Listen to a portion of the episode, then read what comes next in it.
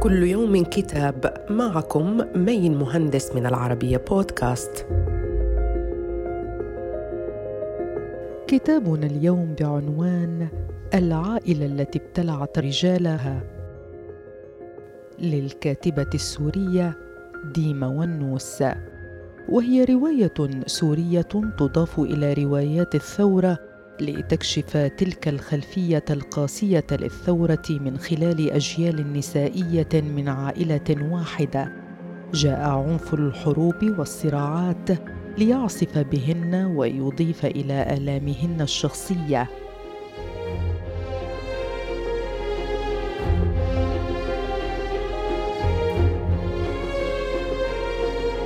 نجد فيها أن الرجال حاضرون في العنوان. وكذلك في النص إلا أنهم متوارون خلف النساء الست اللواتي تدور حولهن القصة. إنها حكاية الشتات السوري والترحال الذي يجمع أحيانا وقد يفرق. صدر الكتاب عن دار الآداب اللبنانية وإلى اللقاء مع كتاب جديد.